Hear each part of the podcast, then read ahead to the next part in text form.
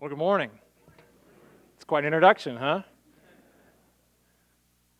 We're continuing our discussion this morning about grace, and specifically learning about that gentleman you just saw, the Apostle Peter. You can see his picture up there. Now, when you think about apostles and disciples, the 12 disciples, what comes to mind? Think about that. These were the guys that Jesus chose to associate himself with here on earth. I think this is the kind of picture a lot of people have portrayed over the years, and this is the way we picture people in the Bible in general as being very pious and very put together and uh, having nice, clean robes and probably talking in King James language and following Jesus very closely. And we're going to look at the life of Peter and see if that really applies. So, what is grace? Like I said, we're talking about grace in this whole series of examinations of the life of people in the Bible. And we see this definition that Pastor Tim has given us before God's goodness towards those who deserve wrath.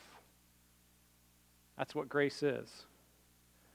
The Bible puts it this way in Romans, Romans 3 23 and 24 For all have sinned and fall short of the glory of God and are justified by his grace as a gift through the redemption that is in Jesus Christ.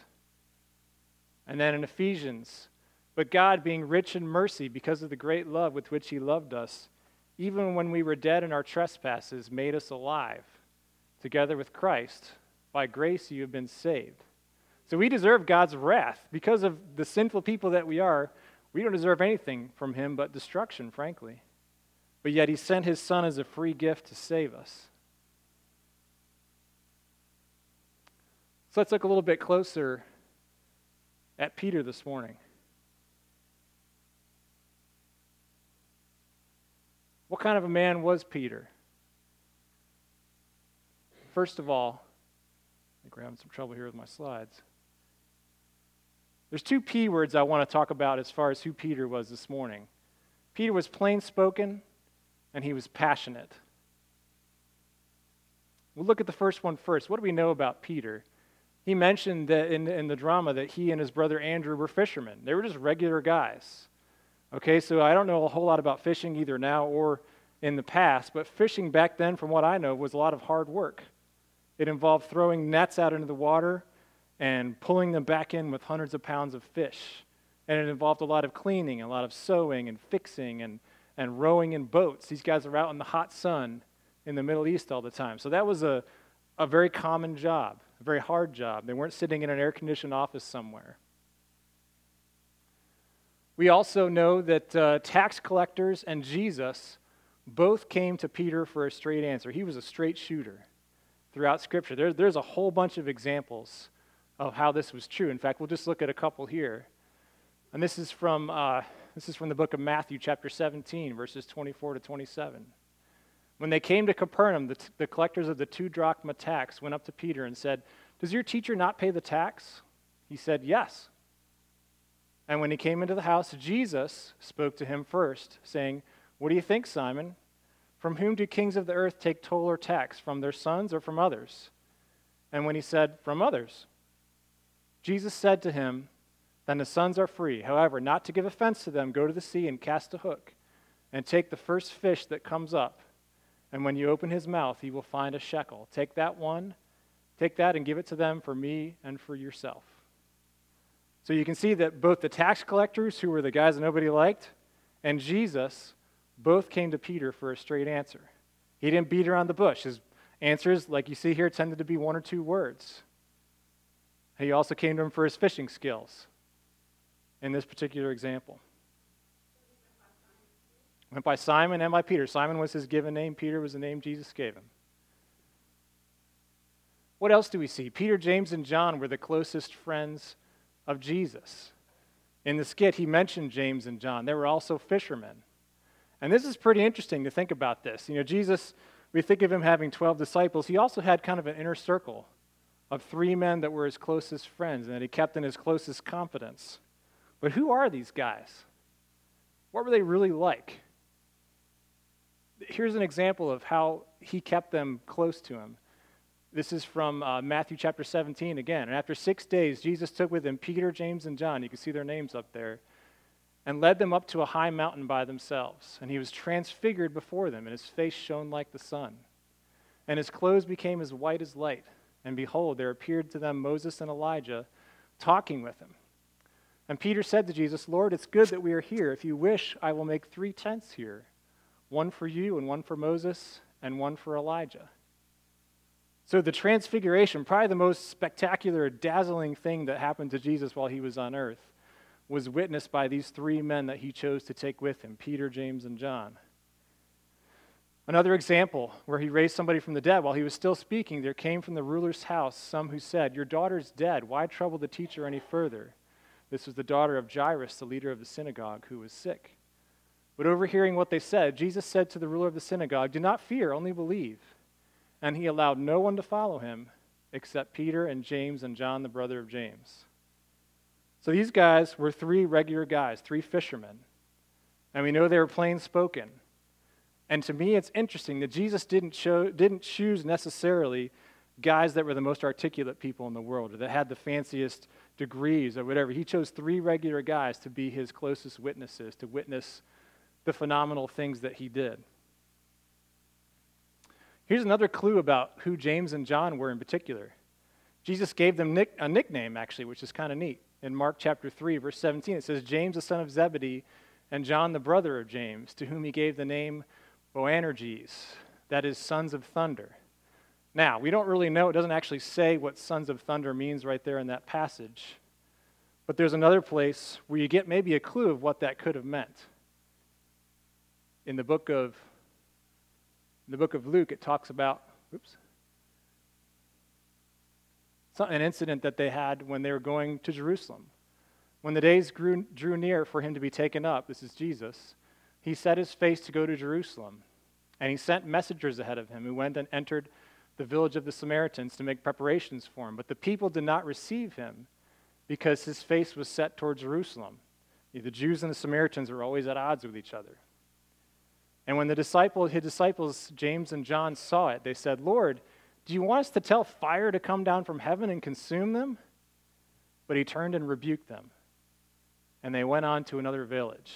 So imagine, these are the guys that Jesus keeps the closest to him regular old fishermen who are ready to call down fire on people from heaven. Think about that. We're, we're talking about grace. That, that's a reaction that, that needed a lot of grace from Jesus. He said, Hold on, guys. We're not doing that right now, okay? So think about that. As we're, as we're thinking, think about how this compares to our lives.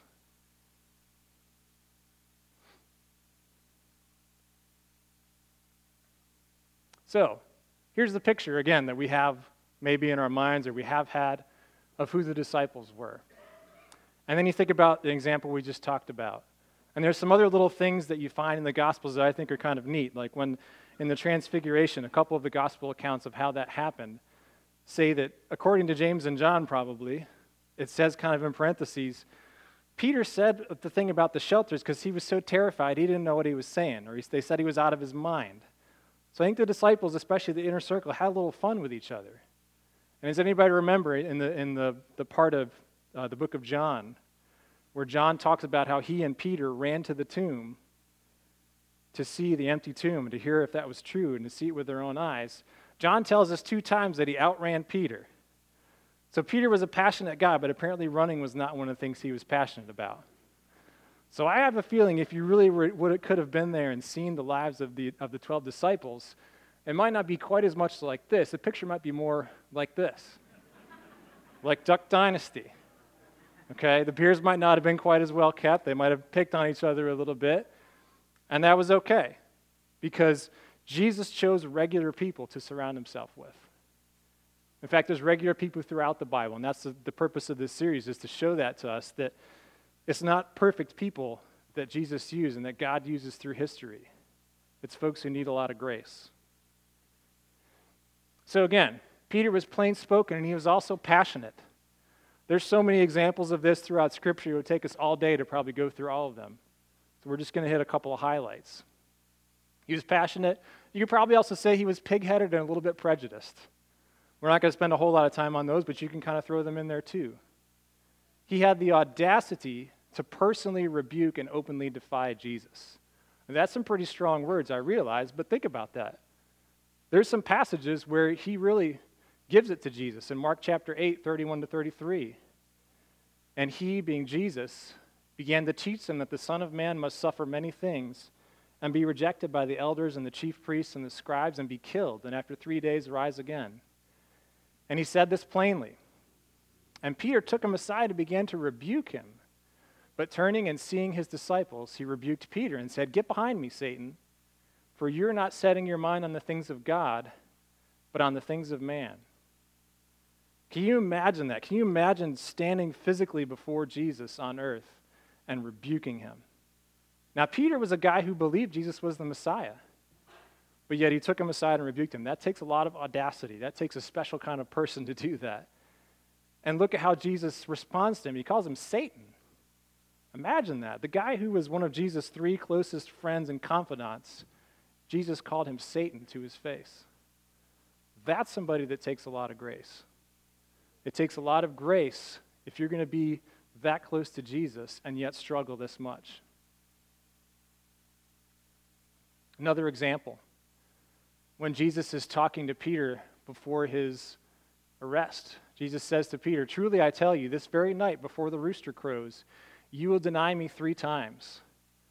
Peter said to him, Even if I must die with you, I will not deny you. And all the disciples said the same. They tended to do that after Peter spoke. He was kind of the one that spoke up first. That's Matthew 26, 34 to 35. Again, imagine that. He confesses that Jesus is the Messiah, and yet he basically calls him a liar. If somebody does that to you, to your face, that, that's a pretty big deal. So Jesus had to show him a lot of grace.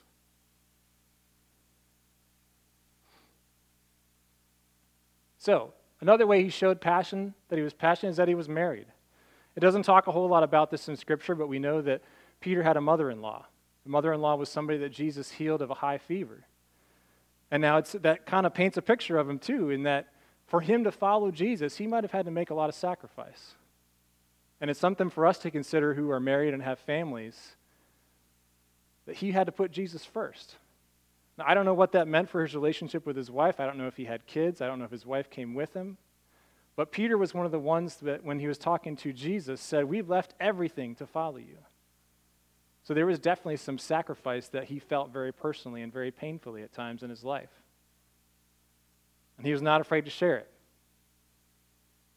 We also see from Scripture that he was quick to jump into things and to react. There's a lot of examples of this, too. There's, there's no shortage with Peter. In the book of Matthew, chapter 14, it says, And Peter answered him, this is when Jesus is walking towards the disciples when they're in a boat. He's walking on the, war, on the water. He said, Lord, if it's you, command me to come to you on the water. He said, Come. So Peter got out of the boat and walked on the water and came to Jesus. But when he saw the wind, he was afraid, and beginning to sink, he cried out, Lord, save me. Jesus immediately reached out his hand and took hold of him, saying to him, Oh, you of little faith, why did you doubt? So Peter was quick to jump into the water and to try it and to be courageous. He was also quick to get scared. Peter did things quickly, and he had to get rescued sometimes by Jesus. We ever do that? Think about it. Another example in the Gospel of John, chapter 18, when they're coming to arrest Jesus, it says Simon Peter, having a sword, drew it and struck the high priest's servant and cut off his right ear. The servant's name was Malchus. So Jesus said to Peter, Put your sword into its sheath. Shall I not drink the cup that the Father has given me?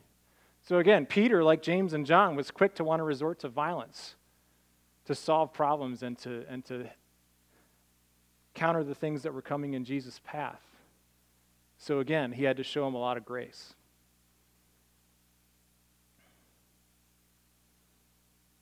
Peter also, in his passion, struggled to follow the Great Commission. Now, the Great Commission we see in, in Matthew chapter 28 was when Jesus said to his disciples, Go therefore and make disciples of all nations, all nations, baptizing them in the name of the Father and of the Son and of the Holy Spirit teaching them to observe all that I've commanded you. And behold, I'm with you always to the end of the age. This is where we start to see maybe Peter's prejudice come into play a little bit, because if you look later on in his life in the book of Acts, he's been summoned to go see Cornelius, who was a Gentile. And he said to them, saying, talking to the Gentiles, You yourselves know how unlawful it is for a Jew to associate with or to visit anyone of another nation. Keep in mind what we just heard about Jesus talking about all nations.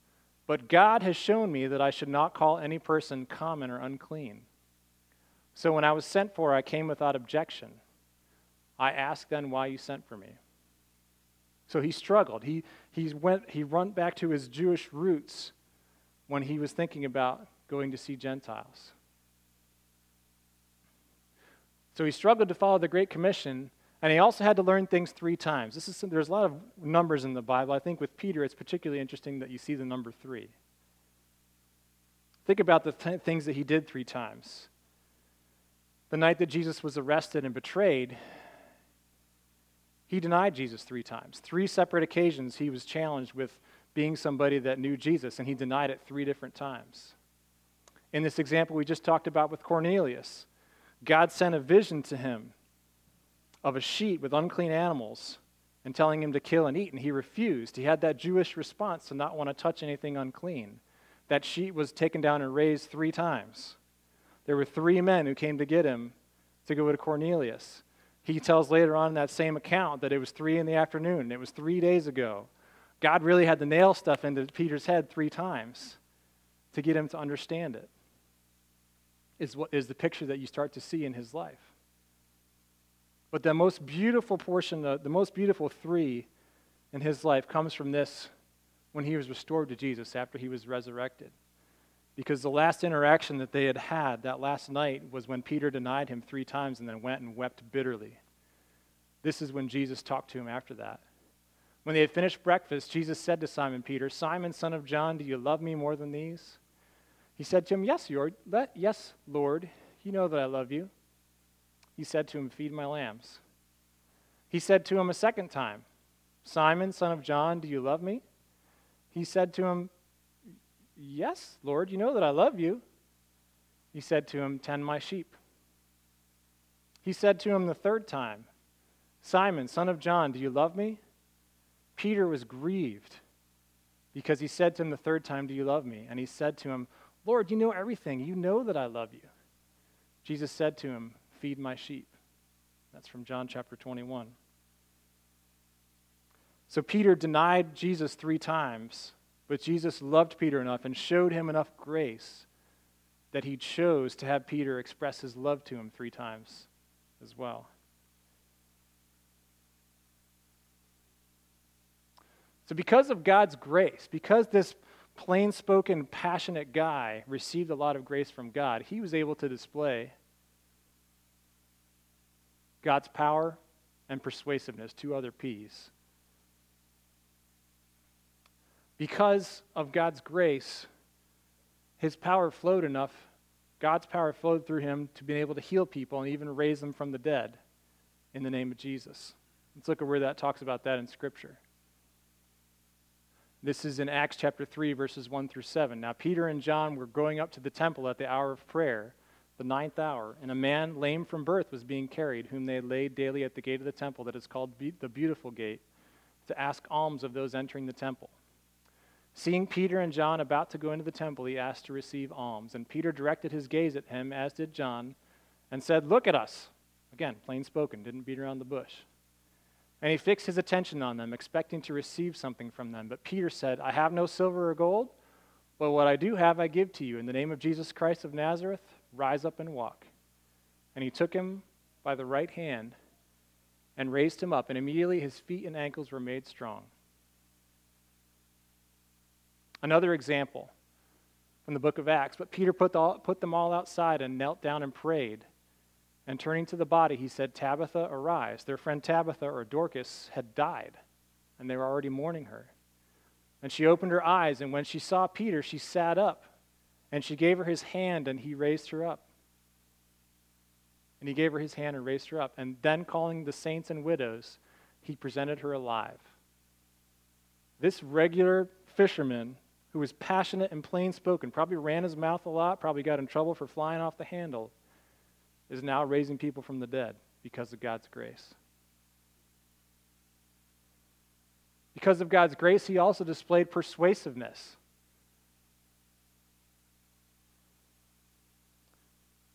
He spoke boldly and publicly to convince people that Jesus was the Messiah by talking about prophecy. He linked the, the Jewish history to where it fulfilled, was fulfilled in Jesus. He talked about the miracles of Jesus.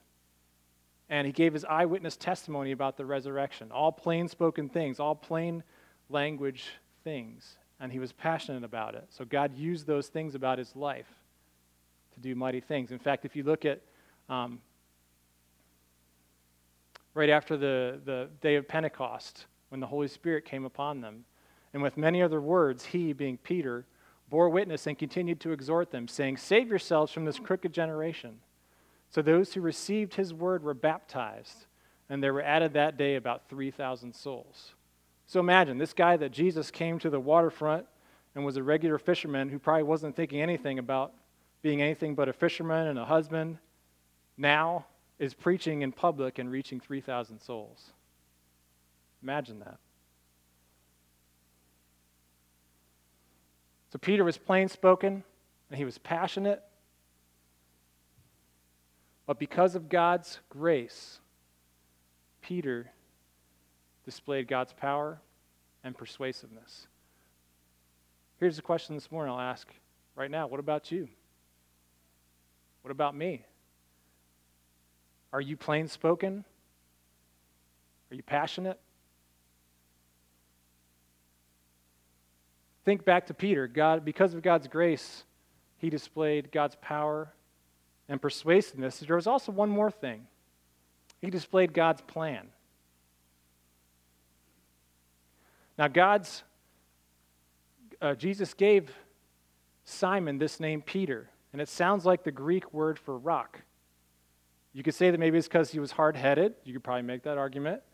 But when, it, when we get a clue of what he was talking about here in the book of Matthew. Now, when Jesus came into the district of Caesarea Philippi, he asked his disciples, Who do people say the Son of Man is? And they said, Some say John the Baptist, others say Elijah, and others Jeremiah or one of the prophets. He said to them, But who do you say that I am? Simon Peter replied, You are the Christ, the Son of the living God. And Jesus answered him, Blessed are you, Simon Bar Jonah, or son of Jonah. For flesh and blood has not revealed this to you, but my Father and Father who is in heaven. And I tell you, you are Peter. And on this rock I will build my church, and the gates of hell shall not prevail against it. So, that rock that Peter was talking about is his acknowledgement that Jesus was the Son of God, that he was the Messiah. That was the truth that his church was going to be founded on. And Jesus knew that Peter was going to be an important part of that. But think about this. This is well into Jesus' ministry. When Peter's already known Jesus, when they've ministered together, when the 12 disciples have been together with Jesus through thick and thin. But when does he get that name? Jesus gives Peter that name he knows about Peter before they even meet.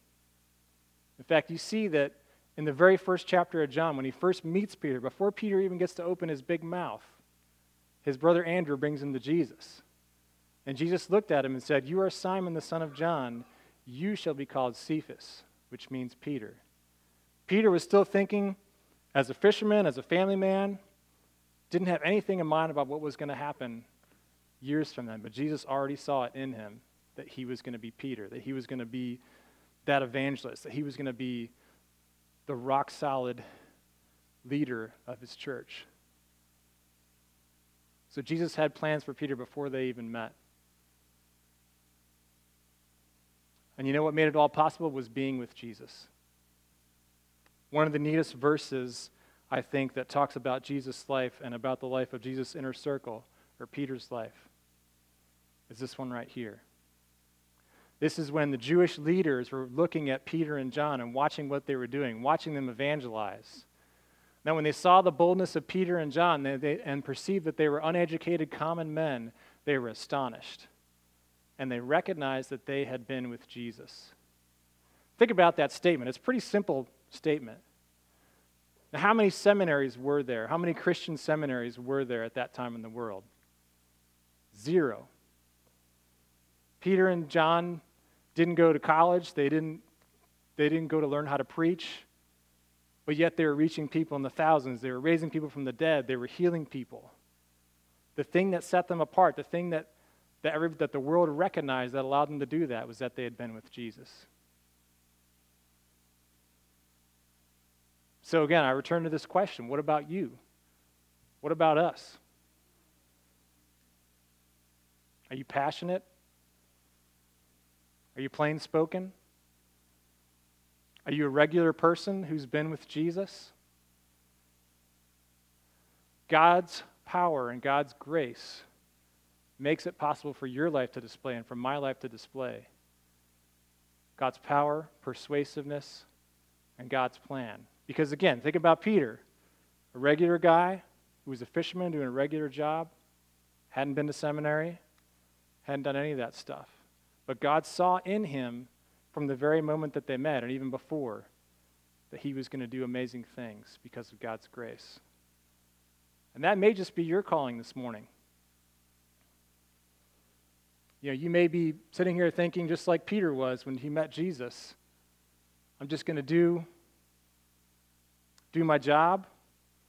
I'm going to be a fisherman, work hard, raise my family, which are all great things, all things that God calls us to do.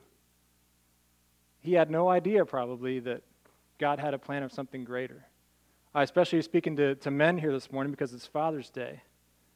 God certainly wants you to be a good dad and to raise your family right. If you're not a father this morning, He wants you to, to reach out to those who are younger that you can mentor and, and lead and teach the things of the Lord. But you never know, He might have more planned for you because being with Jesus and knowing Him is enough to equip you to do amazing things. Let's pray. Father, thank you for the way that you blessed us with your word. Thank you for the faithfulness of those who have preserved it for us over the generations. God, thank you that you don't require us to have our lives all put together to use us. God, thank you that you can use a regular person like Peter who struggled, struggled with his tongue and with his temper. And thank you that you showed him grace. Thank you that you chose ordinary people to be your closest friends so that we can know that, that we can do that as well, God. Thank you that you enable that in our lives. And God, I ask that you would speak to each one of us this morning, especially if there's anybody here that thinks maybe they don't have what it takes to reach people for you, God. I ask that you would convict us all that, that we're equipped to do it because of your grace. Father, thank you for um, those who are going to lead us in worship, and thank you for the talents you've given. And uh, Father, I pray that you would go with us this week and help us to see those around us who need you. I ask this in Jesus' name. Amen.